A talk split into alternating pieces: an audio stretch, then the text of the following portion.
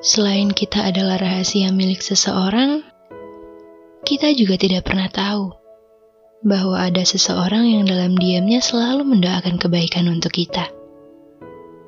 Dengan ikhlas, dengan tulus, meminta pada Yang Maha membolak-balikan hati.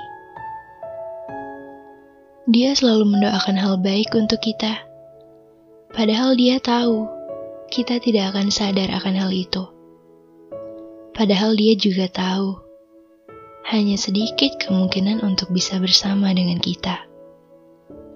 Seseorang yang selalu dengan ikhlas, dia minta kepada Yang Maha Pemilik Hati. Ini adalah cerita dari salah seorang teman. Yang belakangan, dia sedang belajar untuk menukar dan memutar arah doanya. Bukan untuk manusia yang lain, tapi untuk kebaikan yang akan Tuhan berikan atas dirinya. Pelan-pelan, dia mulai sadar bahwa tak seharusnya terang-terangan ia meminta seseorang yang dia mau dengan sangat. Yang dengan setia memohon kepada Tuhannya untuk memberikan apa yang ia minta kepada dirinya. Suatu hari kelak, mungkin hari yang sekiranya baik.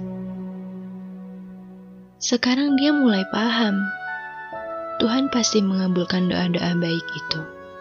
Meski jika nanti bukan kamu orangnya, namun sudah pasti Tuhan beri yang terbaik. Itu adalah janji yang pasti, yang tidak pernah Tuhan ingkari untuk makhluknya. Dan sekarang,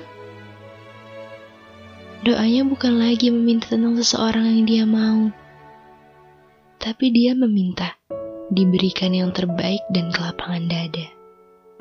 Jika suatu hari apa yang ia panjatkan tak kunjung jadi kenyataan.